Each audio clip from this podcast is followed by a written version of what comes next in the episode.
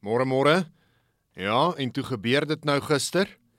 Die Tshwane burgemeester, Metro burgemeester Morunwa Makwarela wat afgedank is. Die stadsbestuurder Johan Metler wat uh, aan die OVK gesê het, uh daar moet nou 'n nuwe uh proporsionele raadslid van uh aangewys word in die metro want Morunwa Makwarela is gediskwalifiseer om as 'n raadslid te dien. En hoekom?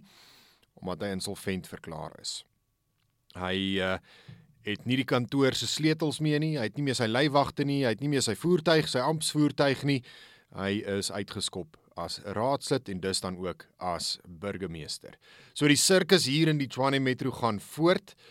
Daar is uh, nou nie meer 'n burgemeester nie, daar's nie meer 'n speaker nie en daar is natuurlik 'n groot risiko dat die premier van Gauteng, Panjasa Lesufi, moontlik die sneller kan trek en sê: "Goed, ek plaas julle nou onder administrasie weens al hierdie onstabiliteit." Dit is iets wat ons nog dophou wat moontlik kan gebeur.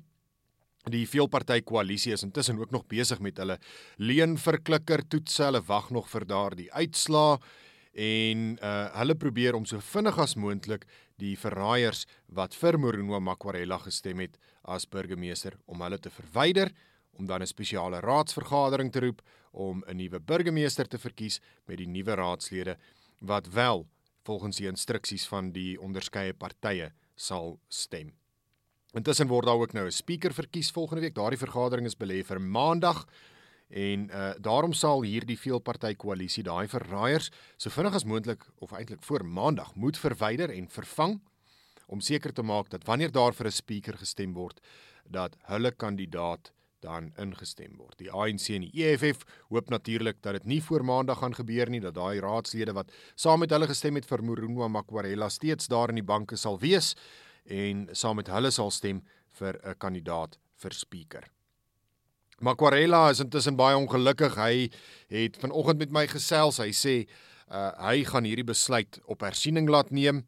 Hy sê uh, die stadsbestuurder Johan Metler is nie by magte om hom te diskwalifiseer as 'n raadslid en hom af te dank as 'n raadslid nie en dat daardie mag berus by die OVK.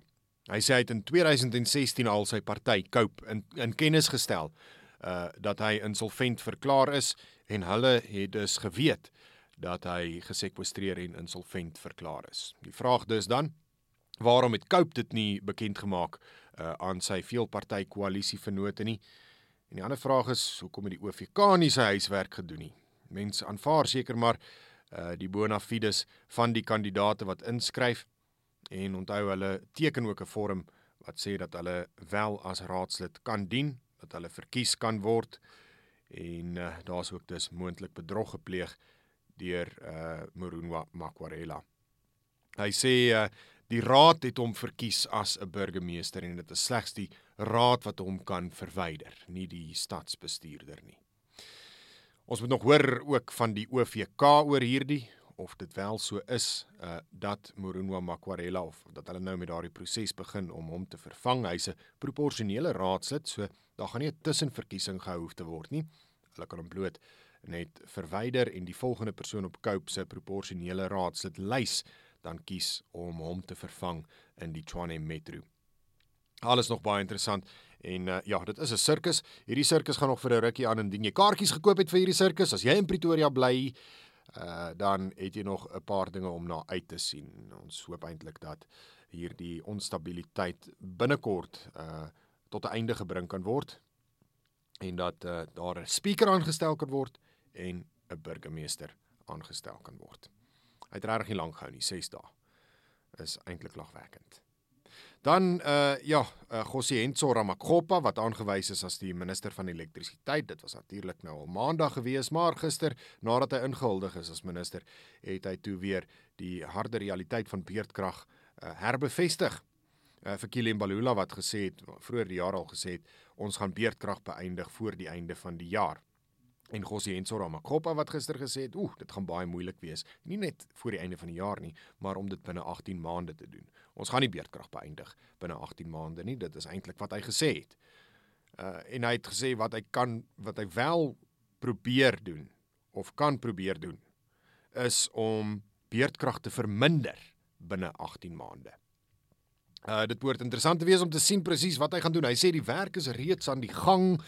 Uh daar is al klaar gesprekke uh natuurlik oor hoe hulle hierdie kragkrisis gaan oplos en uh, hy het ook so 'n bietjie gepraat oor daardie uitlating van Kweri Mantashe dat hy eintlik maar net 'n 'n projekbestuurder is. Hy sê hy sien homself as 'n portefeuljebestuurder met die uitvoerende gesag van 'n minister. Hy sal um, na die fynere besonderhede kyk van kragstasies buite die politiek van elektrisiteit en energie.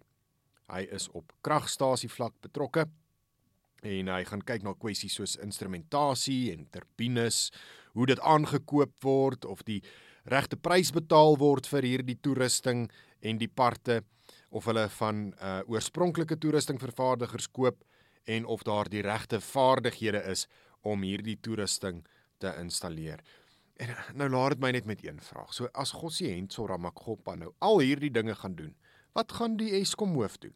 Wat gaan die operasionele bestuurder by Eskom doen? Want hierdie klink vir my alles soos verantwoordelikhede en pligte wat eintlik binne in Eskom lê, nie binne in 'n uh, departement of uh, dat hierdie magte aan 'n minister behoort nie, maar eerder uh, aan iemand binne in Eskom. Lyk asof hulle probeer om uh, van hierdie prosesse te omseil en en van die uh, uh, bestuurs organogramme te wil omseil.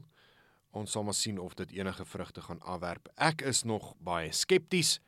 Uh, ek weet nie of dit noodwendig die oplossing gaan wees nie. Jy sal ook agterkom daar's niks gesê oor korrupsie, misdaad, sabotasie, vandalisme, enige van daai dinge deur Gossie en Sora Makgopa nie.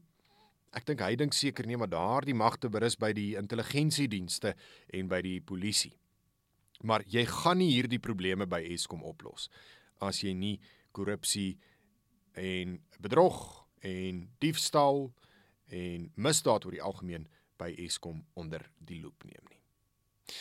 Tot dan gaan ons maar sukkel met beerdkrag en uh, ja, ons sukkel vandag alweer met fase 4 en fase 5 beerdkrag. Dit gaan voort.